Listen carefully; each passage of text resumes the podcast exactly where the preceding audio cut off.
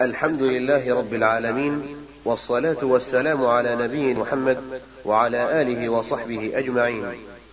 يسر إخوانكم في المكتبة السمعية بوقف السلام الخيري أن يقدم لكم المجموعة الأولى من سلسلة الدروس العلمية لكبار العلماء. ومن دروس هذه السلسلة المباركة كتاب التوحيد لشيخ الإسلام محمد بن عبد الوهاب رحمه الله. شرح سماحة شيخ العلامة عبد الله بن حميد رحمه الله الشريط الثالث عشر. كثير من علماء من علماء الهند وعلماء باكستان أقدم في الحديث. وأعرض من شرحوا الترمذي وشرحوا أيضا مشكاة المصابيح وبينوا الأحكام وأعرضوا السنن. عبيد الله الرحمن أحسن منه وإن كان ما نحب نفضل أحد على أحد. كلهم إن شاء الله فيهم خير وفيهم المجتهدين لكن عندما تقرأ مؤلفات هذا ومؤلفات هذا يجد بينها بعد آه ليقرأ مدعاة المفاتيح عبد الله الرحمن إذا شافها المشكاة المصابيح لا يزال يكتب ساعة اطلاع على الآثار وعلى السنة وعلى أقوال أهل العلم واعتداله وتمسكه. وذلك البربوري اللي توفي الأيام. فأرسل معه إلا أن هذاك عنده شيء من التعصب شوي ابن المبارك فوري صاحب تحفة الأحوذي صاحب عون المعبود زكريا الموجود هذا الذي هشى أو كتب على باب المجهول في حوالي 20 مجلد وشرح أيضا في حوالي 20 مجلد ذكر الآثار وسواها ينظر اعتداء الجمهور الشيخ ناصر رجل طيب وفاضل وكلها خير لكن لا أخطاء ولا محاسن ومساوئ وغيرها قلنا لكنه يرى أن النساء لا يجوز لهن أن يستعملن الحلم وهذا كلام الزمان يجوزها على هيئة على هيئة معينة الرسول أجازها بغض النظر عن عن عن الرسول أجازها على غير هيئة معينة يعني ما بس نرجح ما يقول وما يرجح ما دام الرسول أباه للنساء استعمال الحلي وهذا شيء معهود عند الصحابة.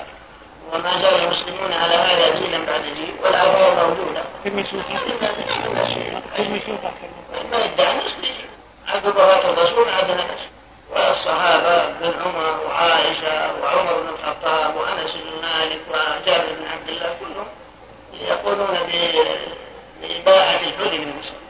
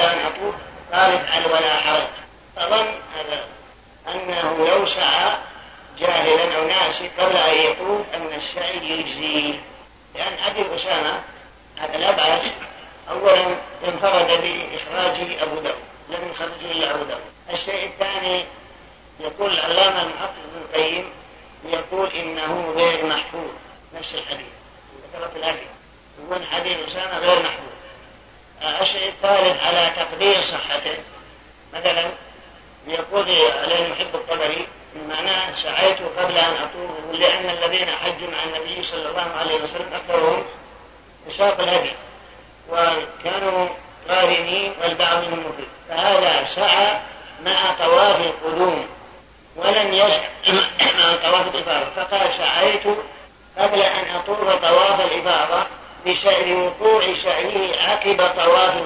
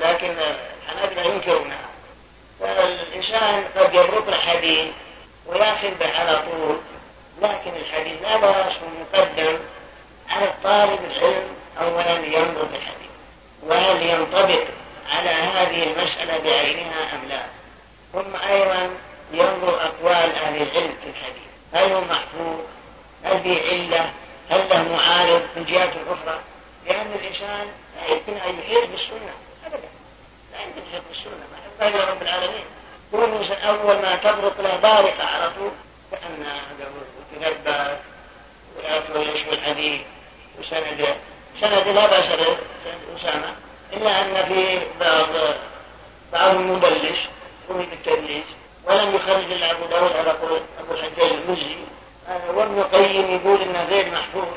والخطابي يقول عامة المسلمين على خلافه والطبري يقول لا إن المعنى أنه سعى مع طواف القدوم ولم يسعى بطواف الإبارة قال سعيت قبل أن أطوف يعني سعيت بعد طواف القدوم وقبل أن أطوف طواف الإبارة قال افعل ولا حرج. يقول يقول السعي إذا سعيت قبل الطواف مثل الألباني في بعض مؤلفاته وبعض آراء. لأن الرجل ما درس الحديث ولا أخذ عن أحد. إنما يطالع الكتاب الفلاني والكتاب الفلاني ومهما أعطي الإنسان من طول عمر ما يمكن يستغني عن العلماء وعن دراسة العلماء وأخذ ما عندهم ليضم إلى ما عنده. أبدا. يطالب الكتاب الفلاني أو الكتاب الفلاني بالنسبة للتخريج وبالنسبة للأذان. لكن كلام ابن القيم كلام القاضي عياض إيش جوابه؟ كلام الخطابي. مثلا كلام صاحب التاريخ يجمع يعرف إيش أجابوا عن هذا وهل ينطبق أو لا ينطبق وهل له معارض أو غير معارض وهل اطلعوا على علة لم يطلع عليها هذا الشخص أو لم يطلع. لكن أما كلام هذا على كل مرحب يترك هذا اللي شرف الحق باطل ونحترمه ونعرف له فضله لكن لا يلزم منه كل ما جاب أو كل ما قال نقول اعلم الناس قضيه المسلم غير عالم ابنوا اعمارهم واخذوا عن مشايخ وشرحوا الكتب المطولة وأسدوا للمسلمين معروف كبير مثل مبارك يوري ومثل ابو الرحمن هذا؟ وامثال وين؟ موجود. عندي نسخة ذهبي ذهبي من كم 116 هو هو جاب كلام نفر عن هذا. أقول الظاهر يا شيخ قول لي فيه لوثة أقول الظاهر من عطاء قول لي فيه لوثة تكلم على أبي طالب. تكلم على أبي طالب. ما تكلم الخبر اللي وصلني كل كلامه تعصب للإمام أبي حنيفة وطعن في البخاري والنسائي ومسلم طعن فيهم ضرب خفي لأن هم اللي هم اللي تكلموا بهم الحديث هو شيء عطاء. طعن فيهم السبب هذا في حديث حديث تكلم عليه الألباني ضعيف وقال هو من طريق أبي حنيفة. قال قد يسأل سائل كيف نجمع بين إمامة أبي حنيفة وبين كونه هذا الحديث جاء من طريقه هو ضعيف فقال كونه ضعيف لا يرد من إمامته يقول يقول يقول الأذان هم ساق قول البخاري ومسلم والنسائي وابن المديني. جميع أئمة التعليم قالوا في حفظه شيء. هم ساقه الألباني. وعزى وعزى ذلك إلى المصادر. يعني في أبي حنيفة. نعم. قال في حفظه شيء. قال هذا لا يغض من إمامته. ومن وراءه ومن كتبه. أبو حنيفة أبو حنيفة رحمه الله أن نعترف أنه إمام. ونعترف به لكن جرحوا جرحا ما له حد. من أبي شيبة في آخر على ما حط على الإمام ابو حنيفه والبخاري في التاريخ وهذا تكلم عن أبو حنيفة.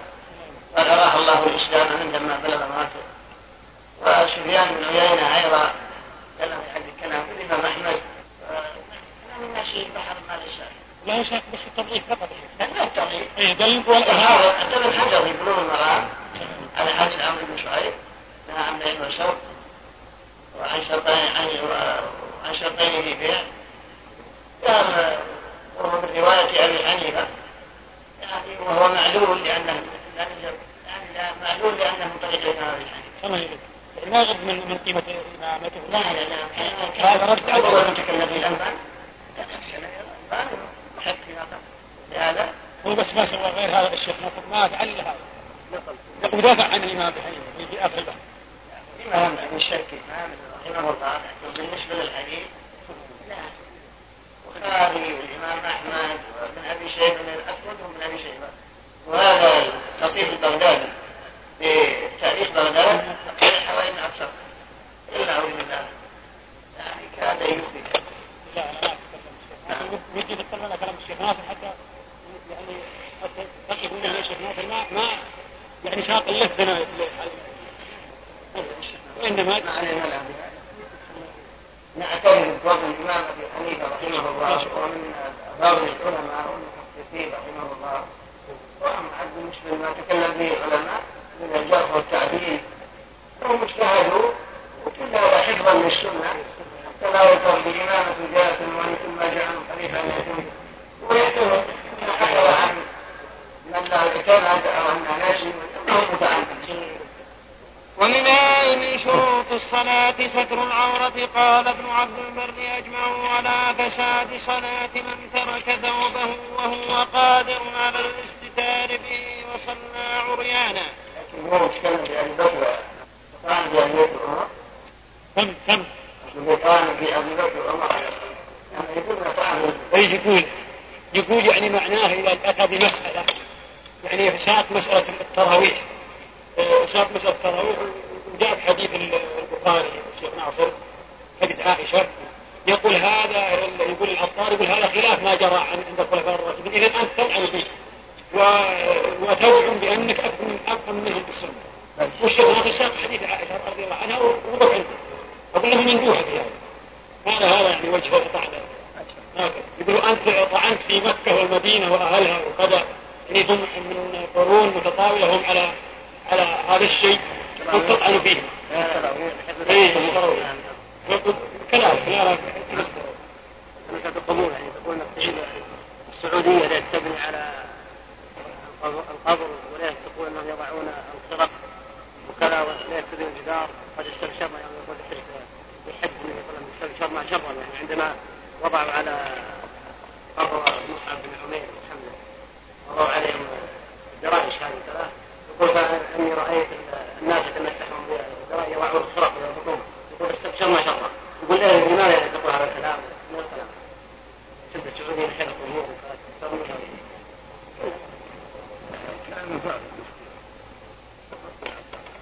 والله يا شيخ الحقيقة أقول يعني من باب الدفاع عن عرض يعني الأخ المسلم فضلا عن كونه طالب علم يعني هذا الاقراع الحقيقة ما ما يعني ما ما, ما ينبغي أن يسكت عليه المسلم فضلا عن عالم هذه أول مرة نسمع. هذه أول مرة نسمع. لا وبقيه الكتاب فيه أعظم منها عشان هذا اللي قلت كل شيء ثاني أما الآن فنترككم مع مجلس آخر من هذا الشرح. وقال ابن القيم قال غير واحد من السلف لما ماتوا عكفوا على قبورهم ثم صوروا تماثيلهم ثم طال عليهم الأمد فعبدوهم. وعن عمر أن رسول الله صلى الله عليه وسلم قال لا تطروني كما أطرت النصارى ابن مريم إنما أنا عبد. فقولوا عبد الله ورسوله. أخرجاه وقال قال رسول الله صلى الله عليه وسلم إياكم والغلو فإنما أهلك من كان قبلكم الغلو. ولمسلم عن ابن مسعود أن رسول الله صلى الله عليه وسلم قال هلك المتنطعون.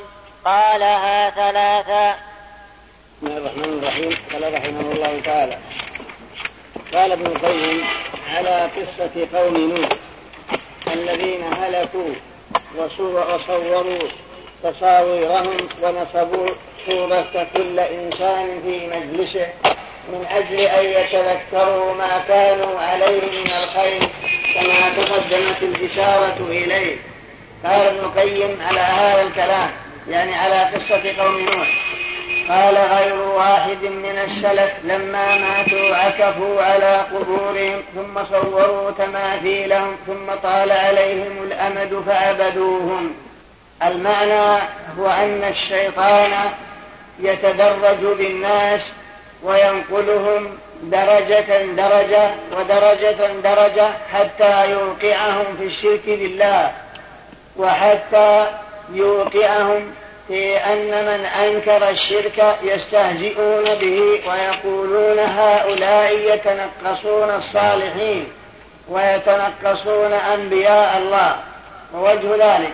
قال ابن القيم قال غير واحد من السلف لما ماتوا عكفوا على قبورهم أي أن الشيطان لا يتمكن من الدعوة إلى الكفر ابتداء بل يأتيهم يأمرهم بالبدعة. ويحسنها إليهم حتى تتمكن من قلوبهم ثم ينقلهم من تلك البدعة إلى ما هو فوقها وأشد. فإذا تمكنت من قلوبهم نقلها إلى ما فوقها وهكذا حتى يقعوا في الكفر. وذلك أنهم لما كانوا يتأشون بهؤلاء الصالحين قال لهم الشيطان لو عكفتم عند قبورهم وترددتم إليها من أجل أن تتذكروا ما كانوا عليه من الخير وما كانوا عليه من التقى والصلاح فقصدهم في ذلك خير. جعلوا يترددون إلى القبور من أجل أن يذكروا صلاح هؤلاء الصلحاء ويذكروا أعمالهم وما هم عليه من التقى.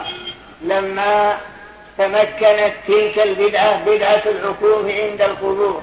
نقلهم إلى ما هو أكبر. فقال إن ترددكم إلى قبورهم فيه كلفة ومشقة. لو صورتم صورة كل إنسان ونصبتموها في مجلسه حتى تكونوا دائما معهم ومتصلين بهم. صوروا تلك الصور نقلهم إلى ما هو أشد. لما صوروا تلك الصور من أجل أن يتذكروا ما كانوا عليه من الخير واكتفوا بتلك الصور عن التردد إلى قبورهم. إن قرر هؤلاء جاء الشيطان من بعدهم قال إن أوليكم لم يصوروا هذه الصور إلا أنهم يستنصرون بهم على الأعداء. ويطلبون منهم المدد وقعوا في الشرك بالله. نقلهم درجة درجة إلى أن وقعوا في كفر الله. وهكذا شأن الشيطان عند أهل وقتنا. فإنه يذكر لهم محاسن هذا الرجل الصالح. أولا يأمرهم بالبناء على قبره تعظيما له وهم لا يعبدون هذا القبر ولا يذبحون له بل يحسن لهم بدعة البناء. ثم إذا تمكن ذلك من قلوبهم دعاهم إلى التردد إلى تلك البقعة. ثم دعاهم إلى عبادتها بالطواف لها والذبح لها والنذر لها وصرف العبادة لها. فإذا وقعوا بالكفر بالله دعاهم وحشر لهم أن كل من أنكر عليهم أنهم بإنكارهم هذا يتنقصون الصالحين وينزلونهم عن مراتبهم العالية كالأنبياء والملائكة والصالحين فهذا يعادونهم وينابذونهم ويقولون إنكم تبغضون الصالحين. والله يقول ألا إن أولياء الله لا خوف عليهم ولا هم يحزنون وبصنيعكم هذا تبدعون الصالحين. فجعلوه نقصا وتنقيصا للصالحين. هكذا شأن الشيطان. ثم قالوا عن عمر رضي الله عنه قال قال رسول الله صلى الله عليه وسلم لا تطروني كما أطرت النصارى ابن مريم إنما أنا عبد فقولوا عبد الله ورسوله. هذا الحديث اشتمل على فائدتين. الفائدة الأولى هو أن الرسول نهانا أن نرفعه فوق رتبته وأن نفعل معه كما فعلت النصارى مع عيسى بن مريم. فالنصارى قالوا إن عيسى هو الله أو ابن الله أو ذلك ثلاثة روح القدس. فنهانا أن نصنع مثل صنيعهم أو أن نصرف له شيئا من حقوق الله. لأننا إذا صرفنا له شيئا من حقوق الله فقد جعلناه في رتبة الله. هذا هو الأول. والله يقول ليس لك من الأمر شيء أو يعذبهم أو يتوب أو يتوب عليهم أو يعذبهم فإنهم ظالمون. الأمور بيد الله.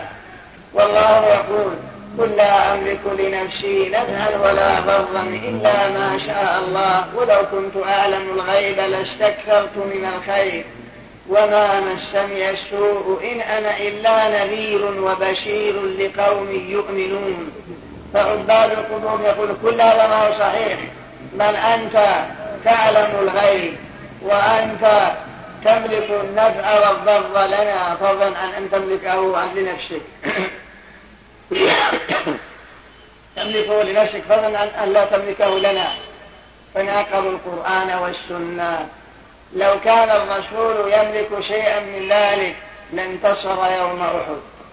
ولما قتل أصحابه ولما كسرت رباعيته ولما شج رأسه ودمي وجهه ولما جعل يمسح الدم عن وجهه ويقول كيف يفلح قوم شجوا نبيهم أما هذا يقال أن الرسول يملك النفع والضر يملك أيضا أنه ينصر وأنه يرضى وأنه يخذل هذه كلها لله.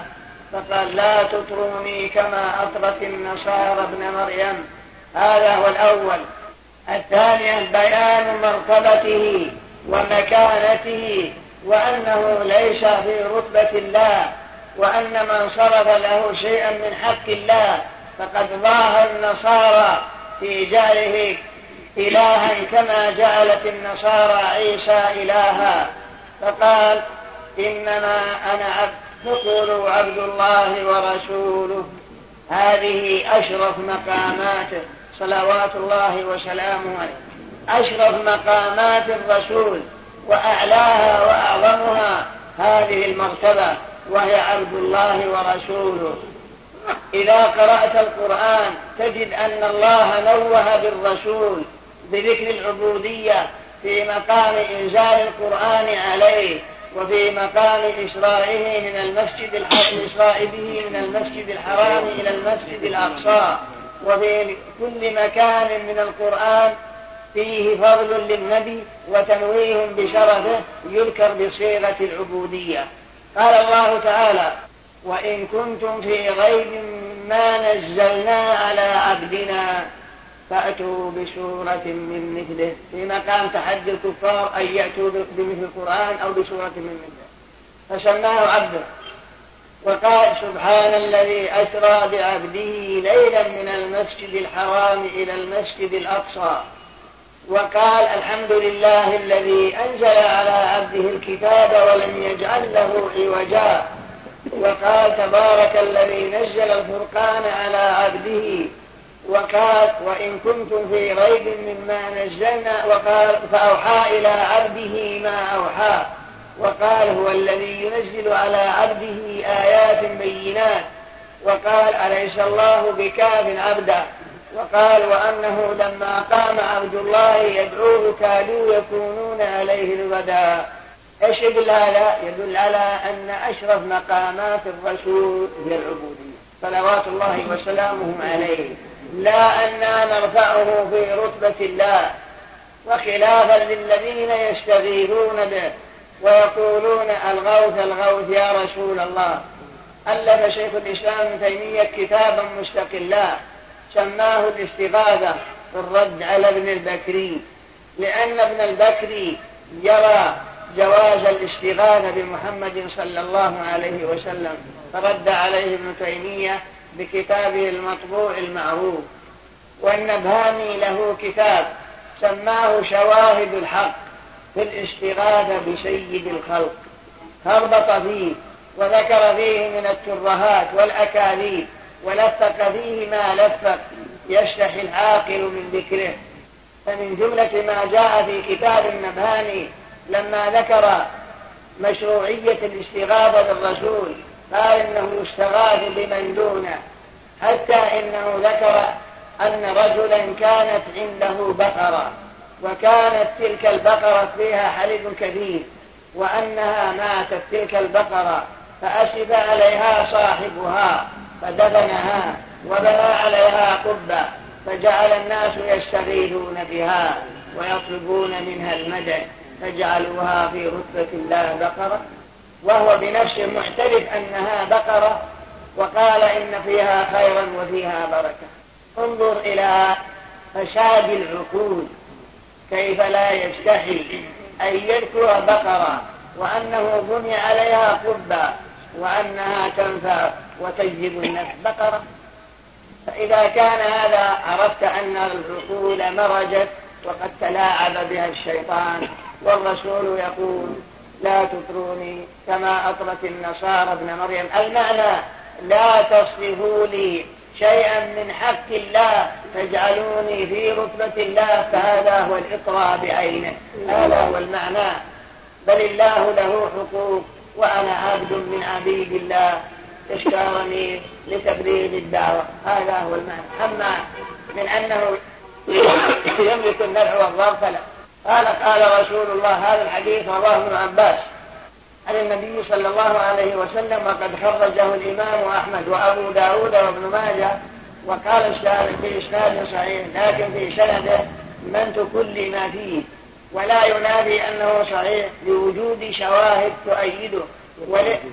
ولأن معناه أيضا صحيح فإن معنى الحديث يعبدها الأحاديث الثابتة عن النبي صلى الله عليه وسلم كقول لا تطروني كما أطرت النصارى ابن مريم وقول الله ليس لك من الأمر شيء قال إياكم والغلو في الدين فإنما أهلك من كان قبلكم الغلو. إيا أداة تحرير يعني المعنى احذروا الغلو. وسبب هذا هو أن النبي صلى الله عليه وسلم في حجة الوداع لما وصل إلى منى قال القط لي حصى فجاءوا بحصى كبر فألقى فقال مثل حصى الخد فألقط له حصى صغار فقال أمثال هؤلاء فرموا إياكم والغلو فإنما أهلك من كان قبلكم الغلو. يعني قد يقول قائل إن الحصى الكبار أبلغ في, أبلغ في النكاية وأعظم من الحصى الصغار. فأخبر الرسول بقول إياكم والغلو وهو مجاوزة الحد فشريعتنا شريعة اقتصاد يعني عدل في قصد. فلا بد أن يكون الإنسان موحد وتوحيده هذا توحيد عن قصد مش معنى قصد. يعني على وفق الشريعة الإسلامية لا إفراط ولا تفريط. هذا هو المعنى. لا إفراط وتتجاوز الحد وتكون دخلت في الغلو أو تفريط بمعنى الإهمال وترك الأوامر والنواهي. فاتبعوا ما أنزل إليكم من ربكم ولا تتبعوا من دونه أولياء قليلا ما تذكرون. إياكم والغلو الغلو مشتق من الغليان وهو مجاوزة الحد. يقال غلى القدر إذا تجاوز حدا لشدة النار الموقدة تحته. هذا هو الغلو. فلا ينبغي لنا الغلو بل علينا أن نتبع ما جاء به الرسول. فمن أمثلة الغلو معلوم أن الطواف شبع بإجماع الأمة. قلت أنا أزيد عشر. يا أخي هذا غلو. ألم تكتفي بسبع أشواط آه السعي سبع قلت أنا لابد من عشر لأن في خير وبركة نقول هذا غلو اتبع ولا تبتدع فقد كفيت. مثلا كذلك أيضا تزيد بالحج. قلت المبيت بمئة أيام التشريق أنا بأزيد خمسة أيام كل خير وبركة لأنها مشعر ولأن جيشه مشروع. نقول أخطأت هذا غلو اتبع ولا تبتدع. تقول بقل بعرفات قبل الوقوف بيوم وأضيف إليه يوم عرفة لأن طاعة وقربة. نقول لا هذا غلو. قلت أنا بصلي بدلا من خمس الصلوات ست. ما يضرني. أبجل فريضة الضحى. يقول لا هذا غلو. فعليك أن تقتصد على وفق ما جاء به النبي صلى الله عليه وسلم. قلت الأذان مشروع. أنا بقول الحمد لله رب العالمين الله أكبر. قل أخطأ يا أخي الحمد لله وثناء عليه وبسملة نقول لا. هذا خطأ منك. هذا غلو. فهل بلغك أن الرسول أمر بهذا أو أقره اتبع ولا تتبع. فهذا معنى إياكم والغلو. فإنما أهلك من كان قبلكم الغلو. محبة الرسول صلى الله عليه وسلم متعينة. بل قال لا يؤمن أحدكم حتى أكون أحب إليه من ولده ووالده والناس أجمعين. هدى. طيب محبة متعينة لكن من محبتي لأبا البحلة؟ نقول لا هذا هذا لا يصلح إلا لله. هذا غلو هذا معنى إياكم والغلو في الدين. فإنما أهلك من كان قبلكم الغلو.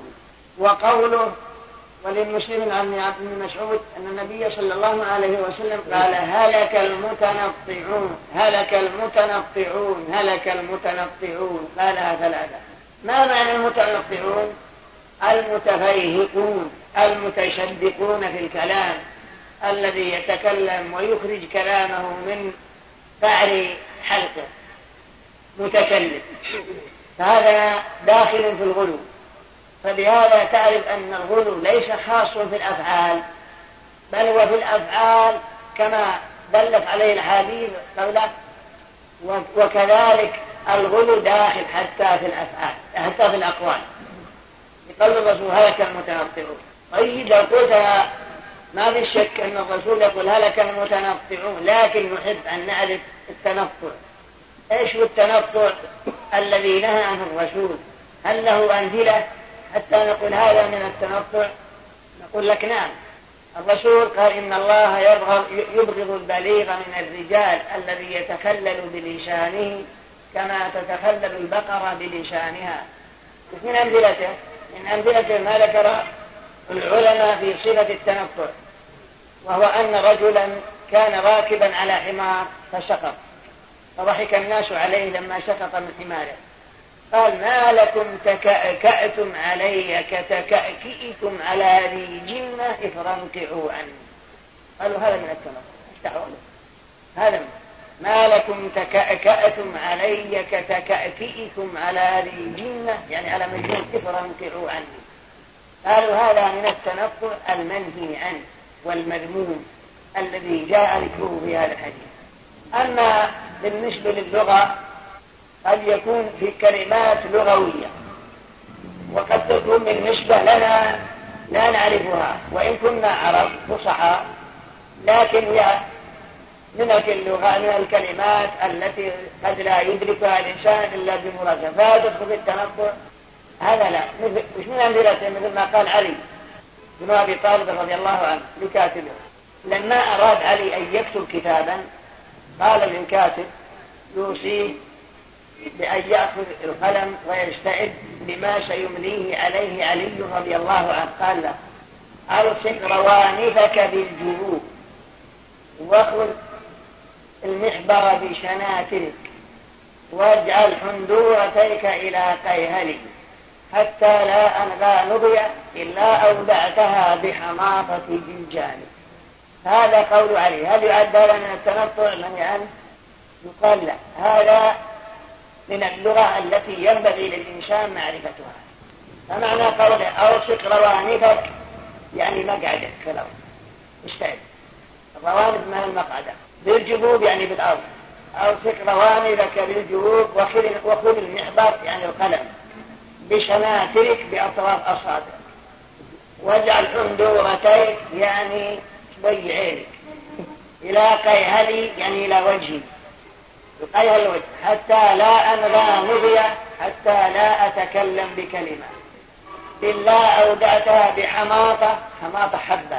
جلجانك خلفك أودعتها بحبة خلفك. انتبه. فقالوا هل هذا من التنطع قالوا لا. إنما هذا يبين لك أن القلب يسمى جلجان وأن حبة القلب تسمى جرح إلى خيهديك وجرح حتى لا أنا إلا أودعتها بحماطة من حب الحماطة وأن الوجه يسمى قيهلي قيهلي حتى لا أنغى لا أتكلم بكلمة.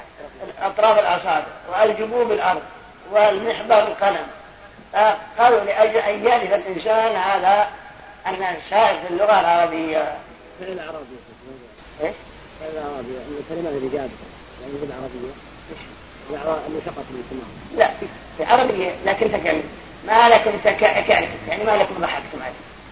كتكأكيكم على رأسكم على ريجن على مجنون. فرانكي وأنك فرقوا عني يعني ما تعقل تقاعد. اليوم في الكتاب وجلس بجوار قبل الشريف من الحديث بمرأى ومسمع من النبي صلى الله عليه وسلم. هذا شيء من التخفيف له مربوط. يقول في أنا أذكر إنه يقول الخطيب يقول إن الجد محمد بن محمد بن دخل دمشق. ووجد ابن تيمية وأن جد ناظر ابن تيمية وأن خصم ابن تيمية وأوقف عند حد حتى سقط من أعين الناس بسبب لكن هل المناظرة ما ردش ويقول إني سمعت ابن القيم يقول صاحب ابن القيم يذكر عن جده. يقول إن جده سمع ابن القيم وانه شخص على ابن القيم. قال لها جاء في الحديث من مات له ثلاثة أطفال كانوا له حجابا من النار. يقول قال ابن القيم نعم. يا طيب إذا ارتكب كبيرة. فإذا كان مات له أطفال وكانت هؤلاء الأطفال كانوا له حجابا من النار لكن هذا اللي له أطفال ارتكب كبيرة. فهل يكون حجابا من النار؟ إذا قال الميت قال ابن القيم لا خرق الحجاب. قال اخرج الحجاب بارتكاب الكبيرة استحسن هذا ولا جيد هذا قراتي في فأثبتنا على ابن القيم من ناحية ذكر عن هذا. أصلا قد الشيخ واللي برب عليه كل أي نعم. آية الأماني. مثل قال الأذان الحمد لله الله أكبر يعني يقول الضحى والضحى الدعاء يا أخي نقول له الدعاء توفيق. أنت إذا خلصت الصدر أما منك تبيع صدر الأذان بالحمد لله. ربك يقول لقد كان لكم في رسول الله أسوة.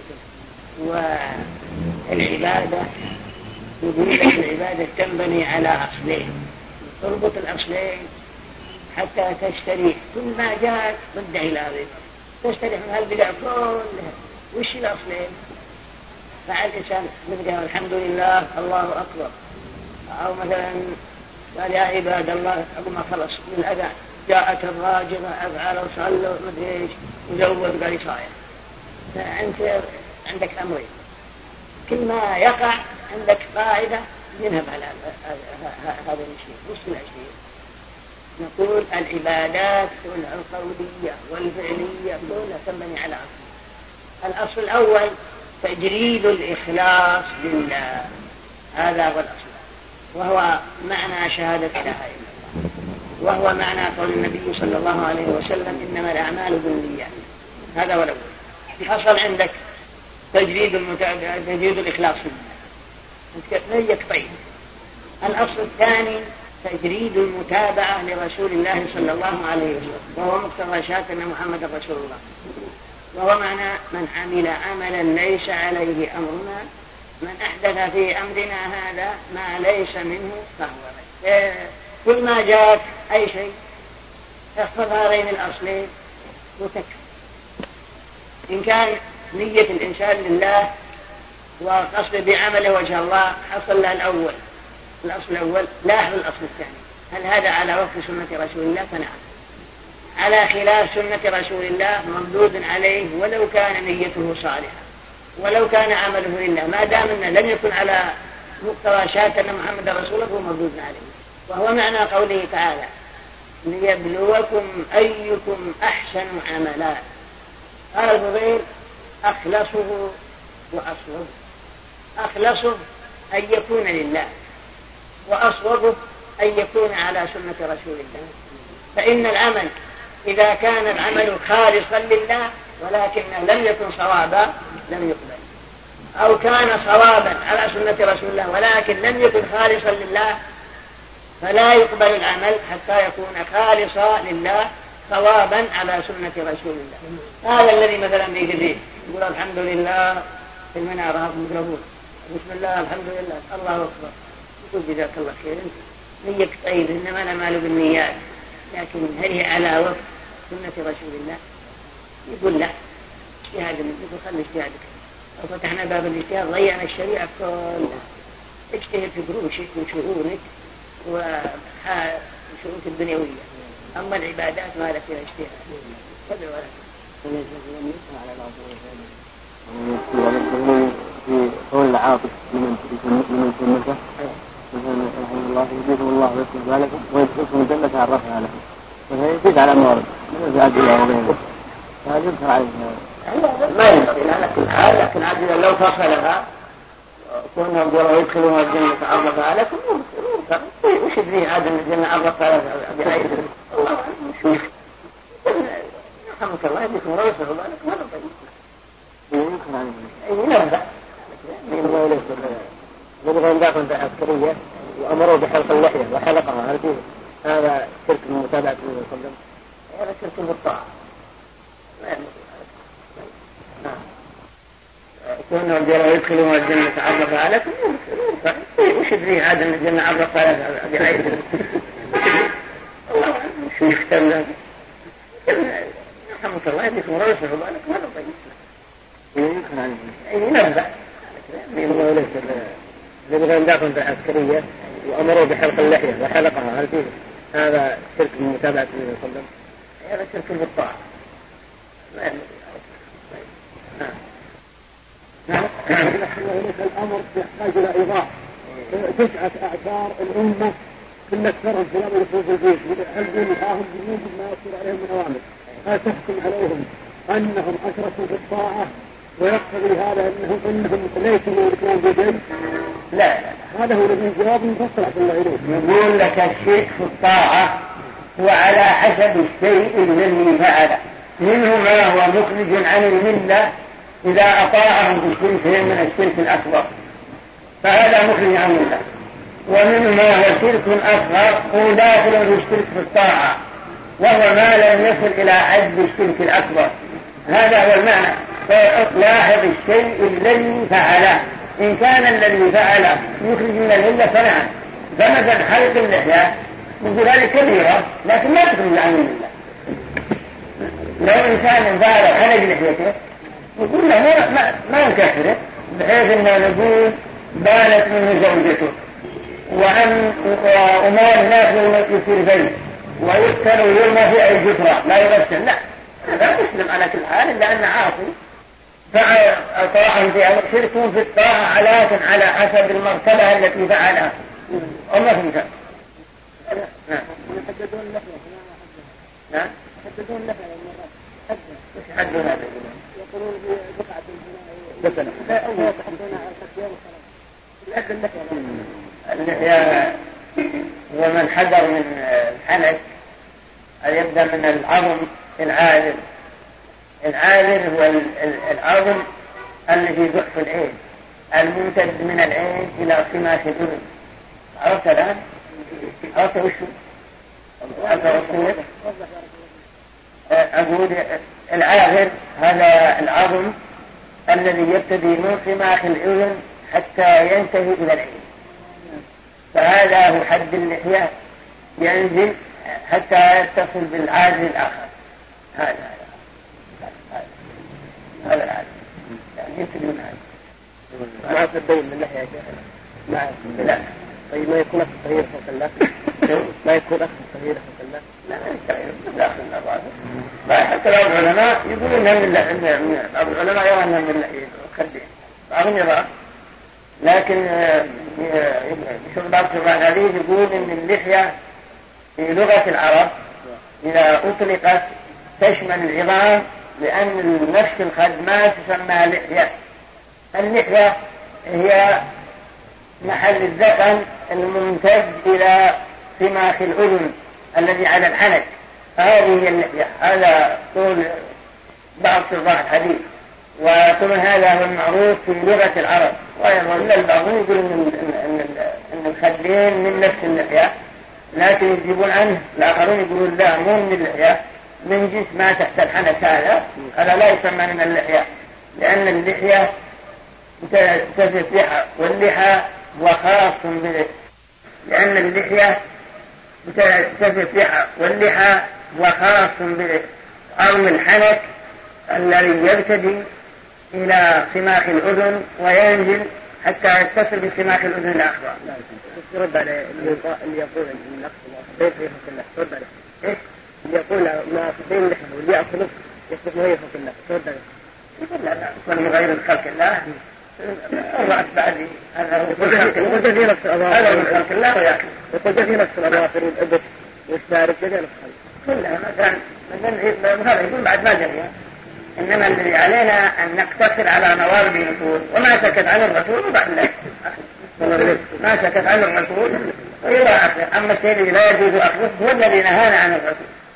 أنا راجعت القانون في المحيط يقول تعريف اللحيه هي بالكسر شعر الخدين والذقن جمع لحي ولحى.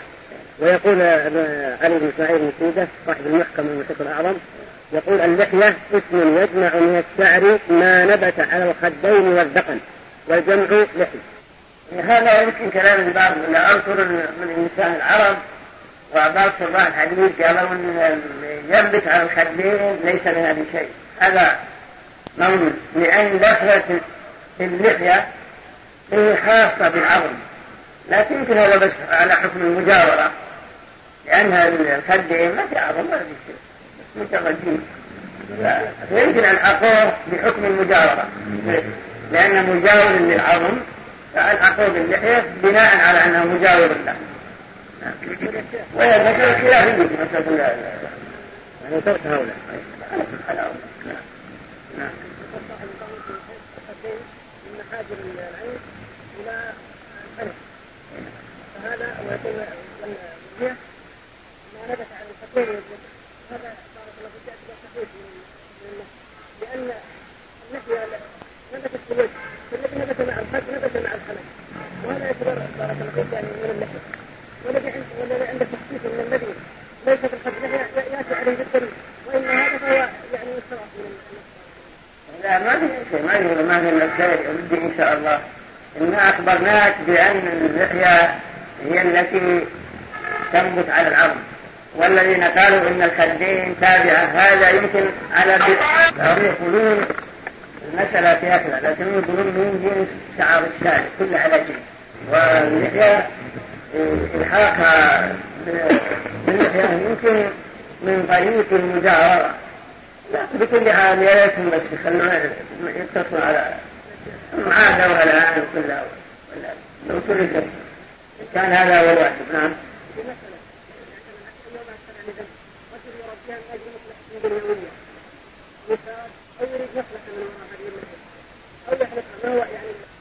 كلهم مجرمون أما الآن فنترككم مع مجلس آخر من هذا الشرح.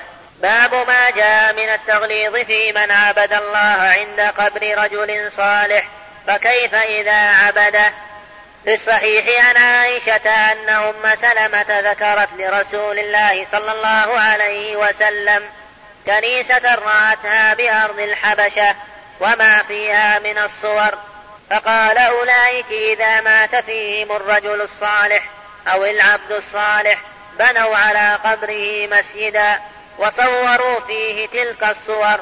أولئك شرار الخلق عند الله. فهؤلاء جمعوا بين فتنتين فتنة القبور وفتنة التماثيل. التقليد الله فكيف المعنى لا حكم من عبد الله؟ في مسجد دفن فيه قبر. لو قال لك قائل أنا لا أعبد القبر وإنما أعبد الله سبحانه وتعالى. في هذا الموضع لا لأجل القبر نعم في هذا المكان شرف عالي ومنزلة بسبب دفن هذا الرجل الصالح في هذا المكان. فأنا أعبد الله في هذا المكان بواسطة دفنه لا أني أطلب منه شفاعة ولا أني أتقرب إليه ولا أني أجعله واسطة بيني وبين الله. هذا هو الموضوع. نقول أولا تقدم الباب الذي قبله أن من جعل بينه وبين الله واسطة يرجوه ويطلب منه الشفاعة أن هذا هو شرك المشركين الأولين سواء بسواء. وأن هذا هو الذي وقع في قوم نوح بسبب الصالحين الخمسة فإنهم بنوا على قبورهم وصوروا صورهم فجعلوا يعبدونهم من دون الله يستنزلون بهم الأمطار ويطلبون منهم الشفاعة. وهذا هو موضوع الباب قبله وهذا شرك باتفاق المسلمين. كأن قائلا قال لك لست من هذا في شيء وإنما أنا أعبد الله وحده لا شريك له وأسأل الله وحده لا شريك له وأعبد وأدعوه وحده لا شريك له. لا لملك مقرب ولا لنبي مرسل. وإنما اخترت هذا المكان بعينه لأنه دفن به رجل صالح. طالبا بركة هذا المكان فقط. عقد المصنف هذا الباب جوابا لهذا السؤال. هذا هو المعنى ففرقا بين هذا الباب وبين الباب قبله. الباب ما جاء من التغليظ في من عبد الله وحده لا شريك له عند قبر رجل. أي أن هذا من البدع الموصلة إلى الشرك وإن كان قصد بعبادته وجه الله. لكنه يرى أن هذا المكان له مزية فضل وأن الدعاء يستجاب فيه بسبب هذا الرجل الصالح أو هذا النبي حيث دفن في هذا المكان. نقول هذا هو من ذرائع الشرك ووسائله وقد لعن رسول الله صلى الله عليه وسلم من اتخذ القبور مساجد. لا أنه يعبد القبور بل جعلها مساجد لله ومع هذا يستحق اللعنة كما سيأتي وكما في هذا الحديث. هذا من ذرائع الشرك ومن وسائله. مسألة أخرى. لو قال مثلا أنا لا أعتقد أن بهذا المكان مزية فضل لا بخلاف الأول. أنا لا أعتقد له مزية فضل وأنا أعبد الله لكن في المسجد قبر. وأنا أعرف أن القبر لا يملك لنفسه ضرا ولا نفعا فضلا عن أن يملك لغيره. وأعرف أن هذا المكان لا مزيد له من الفضل ولا شرف له. غير أن فيه قبر وأنا أعبد الله وحده لا شريك له ولا أعتقد في القبر أي شيء. ولا أن في المكان مزيد فضل ومزيد حسنات. لا أعتقد هذا نقول أيضا أخطأت. لا تصلي فيه. ما دام أن فيه قبرا. ولو كنت تعتقد أنه أن المكان لا مزية له. ولا فضل له بسبب الرجل المدفون فيه. وإن كنت تقصد بصلاتك ودعائك تقصد الله. متجها نقول هذا أيضا من البدع. إلا أنها من الأول ليه؟ نقول لأنك شابهت المشركين. المشركين بنوا القباب على قبور أنبيائهم أو صالح ووضعوا عليها المساجد فأنت مشابها لهم في الظاهر. فإذا قال ما الدليل؟ ما دام أن قصدي لله وعملي لله ولا أقصد قبرا ولا أعتقد أن للمكان مزيد فضل. فكيف تقول لا يجوز لك؟ نقول لك نعم لا يجوز لك. بدليل أن رسول الله صلى الله عليه وسلم نهى عن الصلاة عند طلوع الشمس وعند غروبها لأن المشركين يسجدون لها. وأنت تصلي في هذا الوقت لله لا للشمس ولا لشيء آخر. لكن منعت من الصلاة في هذا الوقت. لما في ذلك من مشابهة الكفار وإن اختلفت المقاصد فمقصدهم شيء ومقصدك لله. لكن لما تشاكل وتشابه بالظاهر منع النبي صلى الله عليه وسلم من الصلاة عند طلوع الشمس وعند غروبها وعند قيامها. فإذا كان الرسول نهى عن الصلاة في هذه الأوقات وإن كان لم يخطر لك ببال المعنى الذي خطر للمشركين لكن لما في ذلك من المشابهة لأن الرسول قد حينئذ يسجد لها الكفار. فكذلك نهيت عن الصلاة في المسجد الذي فيه قبر وإن اختلفت نيتك ونيتهم بما في ذلك من المشابهة فهو من البدع التي لا يجوز لك أن تصلي في هذا المسجد. هذه هاتان مسألتان. المسألة الثالثة لو وجدنا مسجدا بني على قبر وقلنا لا تصح الصلاة في هذا المسجد. فهل نهدم المسجد أم ننبش القبر؟ أي أي الأمرين؟ أولى بالحرمة؟ حرمة المسجد أم حرمة المدفون الرجل الصالح؟ فهل ننبشه من مكانه ونجعله في مقابر المسلمين ونصلي في هذا المسجد؟ أم نهدم المسجد ونمنع من الصلاة فيه ونترك القبر بحاله هذا نعمل نقول لك هذه المسألة تكلم عليها المحقق ابن القيم. وقال ما معناه الحكم للأسبق؟ إن كان المسجد هو الأول ثم جيء بهذا الميت ودفن بالمسجد فإنا نشيل الميت وندفنه مع المسلمين. في المقبرة. ونستعمل المسجد. فإن كان القبر هو الأول ثم بني عليه مسجد فنهدم المسجد. فالعبرة والأحق بالأسبق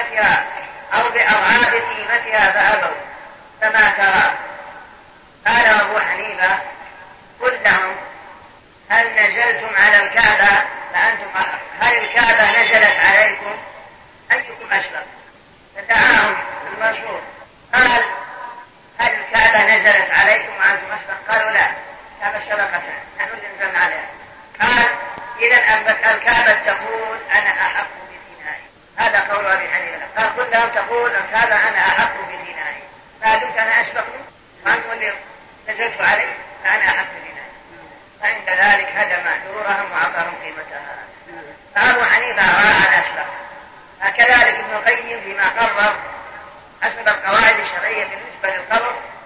إذا كان في المسجد العبرة بالأسبق إن كان الأسبق المسجد الميت ينبش ويدفن هناك مع المقابر. وإن كان القبر أسبق فالقبر المسجد يهدم. أخذا لهذا الحكم من العمومات من سبق إلى ما لم يسبق إليه المسلم فهو أحق به. ولأن هذا هو الجاري التعامل بين الناس. فيما لو أحدث إنسان في ملكه بما يضر بك حتى ولو في ملكه أو, أو أحدث أو أحدثت في ملكك ما يضر بجارك فإنك تمنع ثم العبرة أيضا بالأسبق فإن من كان حقه سابق لا يمنع مثلا من انتفاعه ولو حدث ضرر أو حصل ضرر على جار إذا كان جاره متأخرا لم يحيي إلا متأخرا. كما لو أجريت مثلا طريقا لمائك من دارك مع هذا الفناء والمواد جاء إنسان فأحر هذا يضرك صحيح يضرك. لكن ما دام حقك أشبه فلا يزال الضرر منه فهذا هو الأدلة والتعليل على أن السابق الحكم له من مسجد أو قبر. فباب ما جاء من التغليظ في من عبد الله عند قبر رجل صالح فكيف إذا عبده صحيحين عن عائشة رضي الله عنها أن أم سلمة ذكرت وأم حبيبة ذكرتا لرسول الله صلى الله عليه وسلم. كنيسة رأتها بأرض الحبشة وما فيها من الصور. وذلك أن الحبشة نصارى وعندهم كنائس وهي محل معابدهم. كانوا يصورون فيها الصور. ويضعون فيها التحسينات الجميلة. فقال النبي صلى الله عليه وسلم إذا مات فيهم الرجل الصالح أو العبد الصالح عند النصارى بنوا على قبره مسجدا كنيسة وصوروا فيه تلك الصور أولئك شرار الخلق عند الله. قال شيخ الإسلام ابن تيمية فهؤلاء جمعوا بين الفتنتين فتنة القبور وفتنة التماثيل. يعني فتنة القبور هو أنهم يعتقدون بالقبور أنها ترفع حوائجهم إلى الله أو أن المكان فاضل بسببهم وبدعة الصور التي نهى عنها النبي صلى الله عليه وسلم. ففي كل حال أن هذا من المحادة لله ولرسوله بناء المساجد على القبور أو دفن القبور في المساجد. كل هذا مما يتنافى مع ما جاء به النبي صلى الله عليه وسلم وما دعا الناس إليه من إخلاص العبادة لله وحده لا شريك له. ومن ذلك المسجد في القاهرة وهو ما يسمى بالمسجد المسجد الحسين. يزعمون أن الحسين رضي الله عنه دفن هناك ويطوفون به ويصلون في هذا المسجد. ظنا منهم أن له مزية وله مكانة وله مزيد فضل بسبب الحسين. ودفنه هناك. نقول أولا هذا من الشرك بعينه حيث كانوا يطوفون به ويستشفعون به. ثم أيضا اعتقادهم أن لهذا المسجد مزيد فضل دفن الحسين به. هذا من أفضل الباطل. لا نعتقد بأي مكان مزيد فضل إلا ما دل الدليل عليه. فمساجد المسلمين كلها سواء ما عدا المساجد الثلاثة. التي أخبر النبي صلى الله عليه وسلم بفضلها أو تتفاوت المساجد فيما بينها بمسجد القدم والمسجد الحديث على ما يأتي بيانه في كتب في دار صلاة الجماعة إن شاء الله. ثم أيضا الحسين لم يدفن هناك بل كل هذا كذب ومحن الحسين لم يأتي القاهرة ولم يعرف القاهرة. وإنما دفن رضي الله عنه في العراق كما هو معلوم من كتب السير وكتب التواريخ. فقيل إنه دفن في العراق وحمل رأسه إلى يزيد بن معاوية في الشام. قيل في المدينة وقيل في الشام وقيل في عسقلان والله أعلم بحقيقة ذلك. أما القاهرة أبدا لم يأتها ولم يصل إليها البتة وإنما هذا من تزوير الأفاكين. وقد ذكر القسطلاني شارح البخاري يقول إن مسجد الحسين بالقاهرة لا حقيقة للحسين ولا وجود للحسين هناك وإنما هذا رجل نصراني دفن هناك فقال أرباب القبور هذا هو الحسين وإلا الحسين لم يعرف القاهرة وإنما هو رجل نصراني دفن هناك وجعلوا المسجد عليه وقالوا هذا هو قول القسطلاني وشيخ الإسلام ابن تيمية له رسالة مستقلة سماها رأس الحسين وتكلم على الموضوع دفن في أي مكان دفن وأسباب قتله. ألم يقل أحد من العلماء أنه دفن في القاهرة؟ أبدا فلا جاء إلى القاهرة. وإنما هذا من أكاذيب الوضاعين القبوريين الذين يقولون على الله بلا علم. ثم أيضا لو دفن بها الحسين وألف من الحسين رضي الله عنه ليس له مزيد ذلك أبدا. يعني في المكان. أما الحسين فلا شك أنه سيد شباب أهل الجنة كما أخبر به النبي صلى الله عليه وسلم. وهو ابن فاطمة وابن علي بن أبي طالب وله من الفضل والمكانة نال رضي الله عنه. ومتعين علينا حبه ومتعين علينا توقيره والتنوين بفضله وشرفه. إنما يريد الله ليذيب عنكم الرجس أهل البيت ويطهركم تطهيرا. كنا أسألكم عليه أجرا إلا المودة في القربى إلى غير ذلك. لكن كوننا نرفع في رتبة الله أو مثلا نقول إنه ينفع يضر أو يشرع بدون إذن الله فهذا بحيث نطلب منه الشفاعة. فهذا كله من أكاذيب الوضاعين ولم يلزم الحسين هناك كما عرفناه والله أعلم.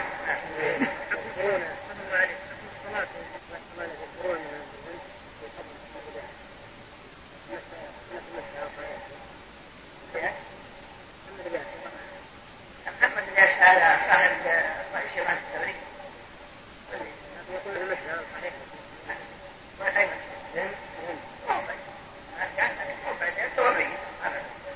إذا كان المسجد خارج الإنسان الدعوة ها؟ يصلي معه عشان الدعوة لا لا يصلي يقرب ثاني يخلي بصر يقول الشيخ العقيل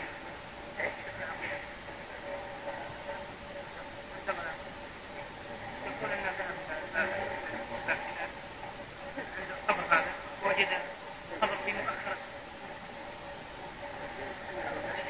في ذهب إلى المسجد وجد في مؤخرة أصلا في المسجد أصلا في الفارس ولكن وصل إلى جانب الحمامات ويضعون عليهم الماء ولا يطوفون فيه. ما ينبغي ان يدخل المسجد لابد من اخراجه يخرج جدار ولا شيء خارج المسجد لكن داخل المسجد له احكام الحائض لا تدخل المسجد الجنوب لا يدخل المسجد من في المسجد لا يجوز له أن يبيع ويشتري أمن في المسجد لا يجوز له إنشاد الضوال فإذا أخرج عن المسجد ولا يطاع حكم المسجد بالنسبة لهذه الأحكام فلا أما إذا كان تبع المسجد ويطاع حكم في هذه الأحكام هو تبع المسجد هذا أولا مثل ما ذكر القرطبي وتقدم ويأتي كلام كلام ابن القيم عليه يقول أن قول الرسول شارع بهذا المجيء فهو وضع في حجرته توفي في حجرته صلى الله عليه وسلم كما في الحديث ما من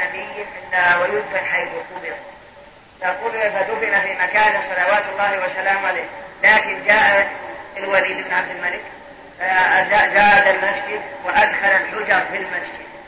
فيكون الرسول أولى بمكانه. ثم أيضا قالوا إنه بني عليه عدة بنايات لا يمكن أن احدا يستقبله ولا أن أحدا يمكنه أن يصلي نحوه. جعلوه مثلث ثلاثة جدران مثلثة بحيث لا يتمكن من أراد أن يستقبله. وأشار إلى هذا الخطير والقرطبي وابن القيم ويأتي لهذا مزيد في هذا الباب وبالباب بعده لكن مقصود الحال يعني كأنه مخرج من المسجد وإن كان في نفس المسجد. وحيط عليه بعدة جدر مما جعله شبه حجرة موضع حجرة لا يصلى فيه ولا يصلى ولا يمكن أن يصلى نحوه.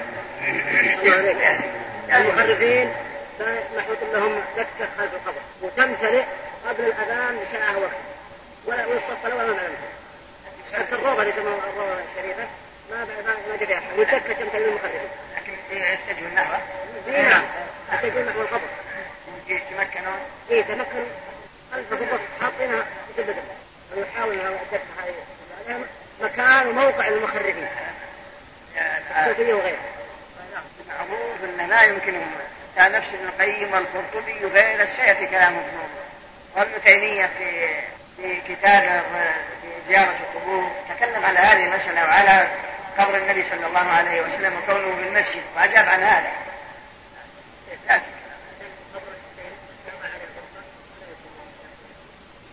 إذا أخرجوا فلا طهروا به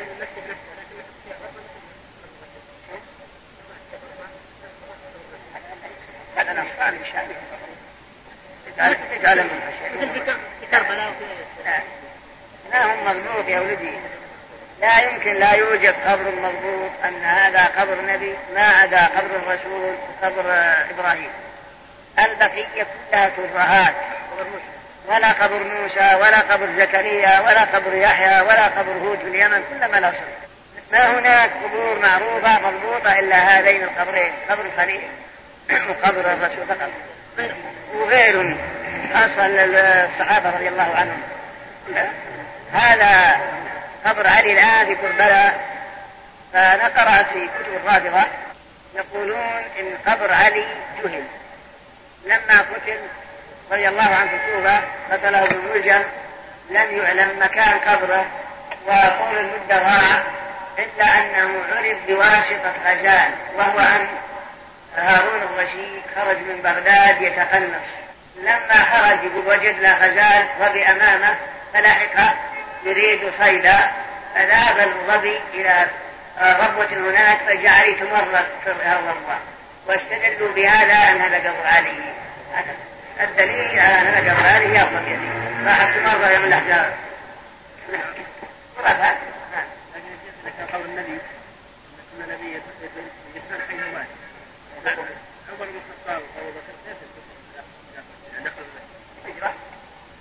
قبل يكون مسجد هذا كله قبل قبل يكون مسجد وجاءت آثار تدل على أنهم سيقبرون معه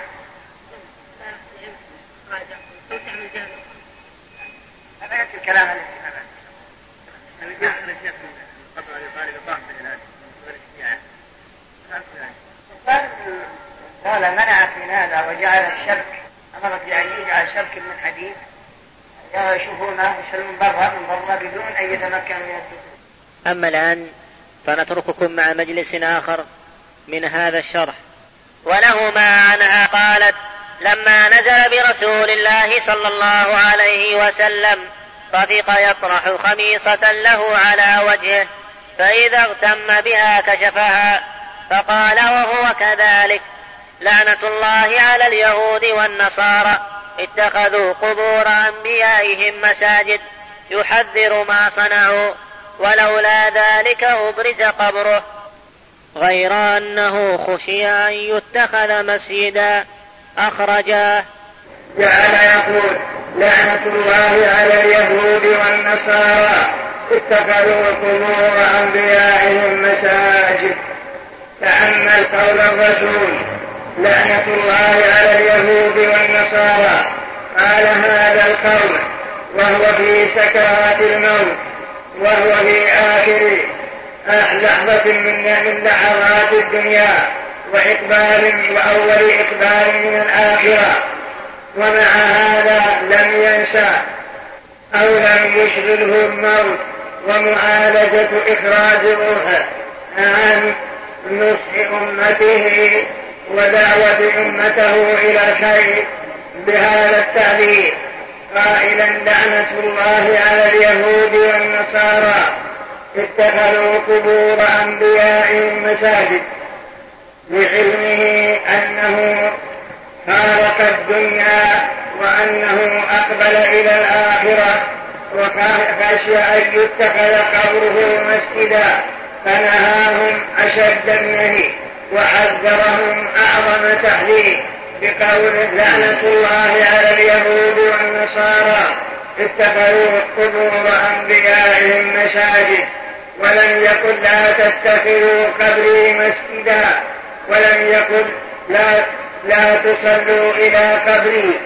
بل نهاهم بهذا التعبير نهيا أبلغ نهي وأشد نهي بقوله لعنة الله. معناه هو الطرد والإبعاد عن مواقع الرحمة. لعنة الله على اليهود والنصارى اتخذوا قبور أنبيائهم مساجد فهمت عائشة رضي الله عنها قول لعنة الله وهو على تلك الحالة قائلة يحذر ما صنعوا. أي أنه يحذرنا أن نصنع مثل صنيع اليهود والنصارى بأن نبني على قبره مسجدا. يحذر ما صنعوا وينهى أمته. بهذا الذنب أن تصنع مثل ما صنعت اليهود والنصارى. في أمر قبور أنبيائها إذ بنوا عليها كنائس وجعلوها موضع عبادة. يحذر ما صنعوا ولولا ذلك لأن ولولا خشية أن يبنى عليه مسجدا لأبرز قبره ولدفن مع أصحابه. ولكن خشي أن يتمكن منه فيبنى المسجد عليه. يحذر ما صنعوا ولولا ذلك لأبرز قبره غير أنه خشي وبضم الخاء. فيكون الذي خشي ذلك هي عائشة معها من الصحابة ويروى بالفتح غير أنه خشي. فيكون الفاعل هو النبي صلى الله عليه وسلم هو الذي خشي أن يتخذ قبره مسجدا لو أبرز قبره مع أصحابه. ولكنه دفن حيث قبر في حجرته خشية ذلك. من أن يتخذ مسجدا ولولا ذلك لأبرز قبره غير أنه خشي أن يتخذ مسجدا أخرجاه. وقول أخرجاه هذا مكرر مع قوله ولهما إذ أحدهما يغني عن الثاني. ولكن كما قال الشارع أن هذا وجد بخط المصنف هذا هو معنى الحديث على طريق الإجمال.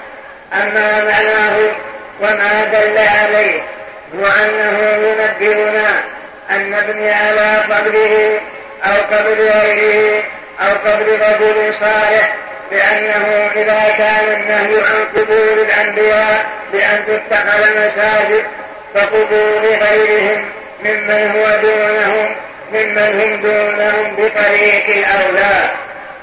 بهذا يتضح أن بناء المساجد على القبور لم يكن من شريعة رسول الله صلى الله عليه وسلم ولم يكن من الإسلام في شيء بل حسم المادة وقطع الذرائع وإن كانت نيتك وقصدك بأن صلاتك تكون لله فلا يجوز لك ولو كانت صلاتك لله.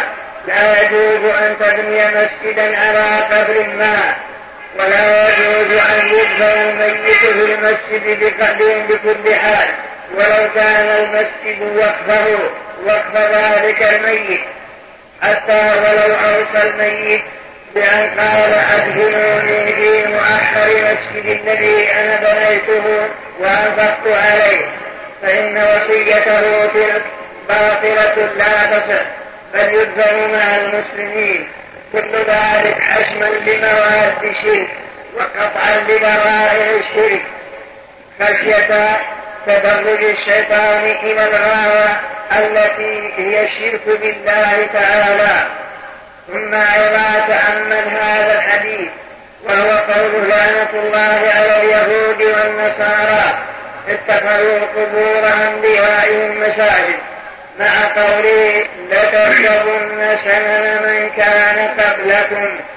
وقوله لتتبعن سنن من كان قبلكم. هدو القبة بالقبة؟ حتى لو دخلوا جحر رب لدخلتموه. مع هذا النهي العظيم واللعن العظيم. وكما سيأتي في حديث جندب أنه قال لا تتخذوا قبور لا تتخذوا قبري مسجدا. ألا فلا تتخذوا قبور مساجد. ثم قال فإني أنهاكم عن ذلك. مع قوله اشتد غضب الله على قوم اتخذوا قبور أنبيائهم مساجد. مع قوله إن من إن من شرور الناس من تدركهم الساعة والمحيا والذين يتخذون القبور مساجد.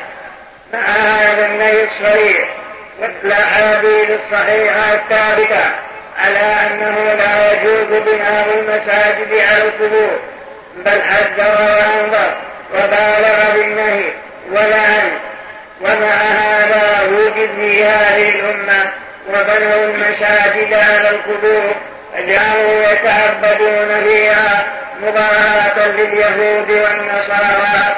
مصداق ما قال صلى الله عليه وسلم لتتبعن سنن من كان قبلكم. حذو القبة بالقبة بل بنيت المساجد على القبور وأوقفت الأوقاف الكثيرة على تلك المساجد وعلى القباب التي تبنى على القبور. بل ألفت المؤلفات في مشروعية البناء على القبور.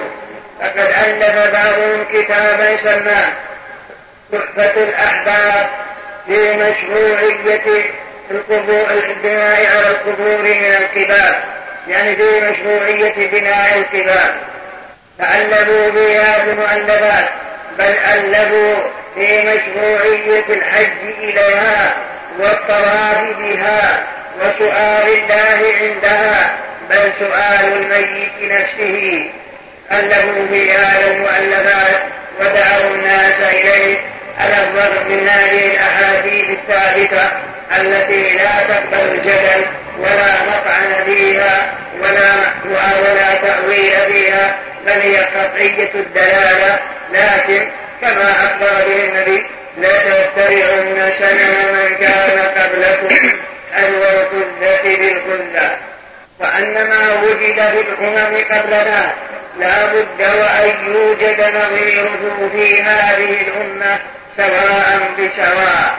ما عدا هذه البلاد وقاها الله وصانها عن الشرك وذرائع الشرك ووسائل الشرك والبدع القادحة في التوحيد.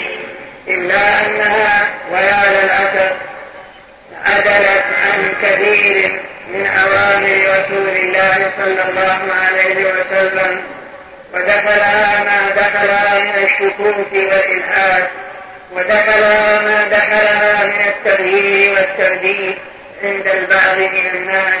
البعض يدعو إلى المعاصي ويخفف من شأن الشريعة ويقول إن هؤلاء متشددون وإلا فالدين يسر والدين كذا. إلى غير ذلك فجعل الشريعة الإسلامية تشديد وجعل يستدل بقوله ما جعل عليكم في الدين من حرج يريد الله بكم اليسر ولا يريد بكم العسر. الخطاب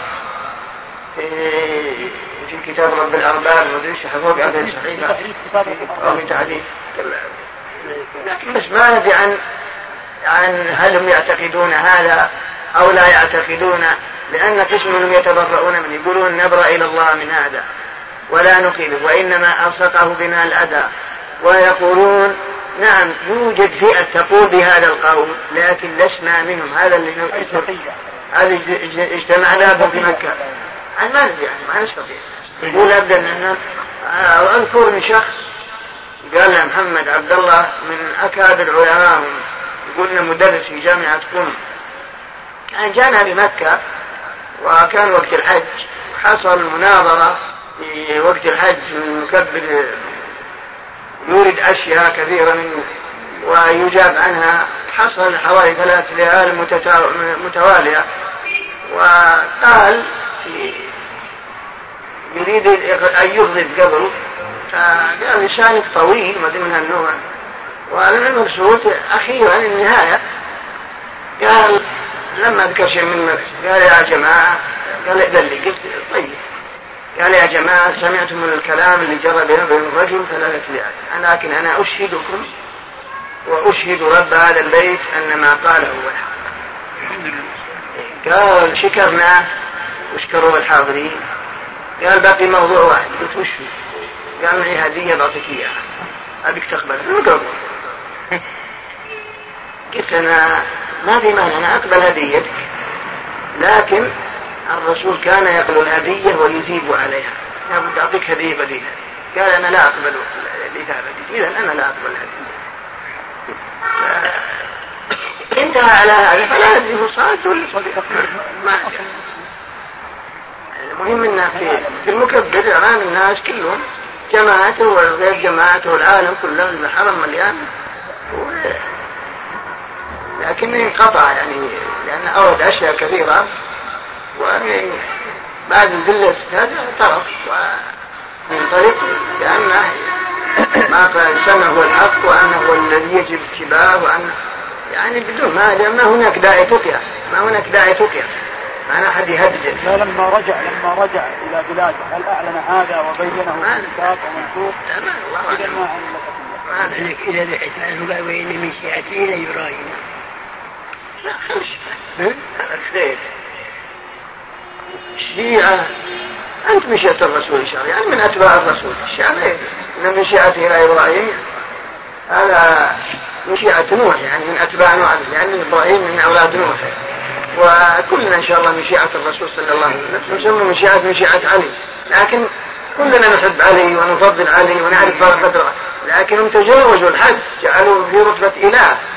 وتارة خونوا جبريل في الرسالة وتارة بالإضافة إلى عبادة غير الله. نعم. وما يظن الله إنهم يسمون الشيعة. يظن الشيعة. هذا ما يسمون لابد تسميهم الشيعة ولا الجعفرية لا بد أن نحدد موقفنا منهم ونطلع على ما ينكر حتى نطلعكم على هذا هذا بعد الاطلاع على حقيقة ما عندهم الآن الموجودين. قال نعم صحيح لا بأس. والله ما نعلم عنه ولا نستطيع إلا أن من ناحية العامة ما في شك أنه الكتب اللي موجودة كلها كتب ضلال. نعم أما الآن فنترككم مع مجلس آخر من هذا الشرح. وقوله قل ادعوا الذين زعمتم من دون الله لا يملكون مثقال ذرة في السماوات ولا في الأرض الآيتين قال أبو العباس نفى الله عما سواه كل ما يتعلق به الملكون فنفى أن يكون لغيره ملك أو قسط منه أو يكون عونا لله. ولم إلا الشفاعة. فبين أنها لا تنفع إلا لمن أذن له الرب كما قال ولا يشفعون إلا لمن ارتضى. فهذه الشفاعة التي يظنها المشركون أنها لهم هي منتفية يوم القيامة كما نفاها القرآن. وأخبر النبي صلى الله عليه وسلم أنه يأتي فيسجد لربه ويحمده. لا يبدأ بالشفاعة أولا ثم يقال له ارفع رأسك وقل يسمع وسل تعطى واشفع تشفع. وقال أبو هريرة له صلى الله عليه وسلم من أسعد الناس بشفاعتك؟ قال من قال لا إله إلا الله خالصا من قلبه فتلك الشفاعة لأهل الإخلاص بإذن الله ولا تكون لمن أشرك بالله. وحقيقته أن الله سبحانه هو الذي يتفضل على أهل الإخلاص فيغفر لهم بواسطة دعاء من أذن له أن يشفع ليكرمه وينال المقام المحمود. فالشفاعة التي نفاها القرآن ما كان فيها شرك ولهذا أثبت الشفاعة بإذنه في مواضع. وقد بين النبي صلى الله عليه وسلم أنها لا تكون إلا لأهل التوحيد والإخلاص. انتهى كلامه. قال أبو العباس نفى الله عن كل ما سواه أن يكون لغيره ملك أو قسط أو يكون عونا لله فلن يبق إلا الشفاعة. تبين أنها لا تنفع إلا لمن أذنه إلا لمن أذن الله له. وهذه الشفاعة التي يظنها المشركون هي منتفية يوم القيامة كما نفاها القرآن. وأخبر النبي صلى الله عليه وسلم أنه يأتي فيسجد بين يدي الله تحت العرش وأنه يفتح عليه بمحامد قائلا لا أحسنها الآن ثم يقال له ضع رأسك وقل يسمع وسلت وأعطى واشفع تشفع إلى آخر كلام شيخ الإسلام ابن تيمية الذي نقله المصنف من كتابه ابن تيمية اقتضاء الصراط المستقيم. كل هذا في الكلام على آية سبع وهي قوله تعالى قل ادعوا الذين زعمتم من دون الله لا يملكون مثقال ذرة في السماوات ولا في الأرض وما لهم فيهما من شرك وما له منهم من ظهير ولا تنفع الشفاعة عنده إلا بإذنه حتى إذا فزع عن قلوبهم الآية. وختاما تقبلوا تحيات إخوانكم في وقف السلام الخيري رقم الهاتف هو اثنان صفر تسعة صفر اثنان صفر تسعة. رقم الناسوخ هو اثنان صفر تسعة اثنان صفر تسعة اثنان. والسلام عليكم ورحمة الله وبركاته.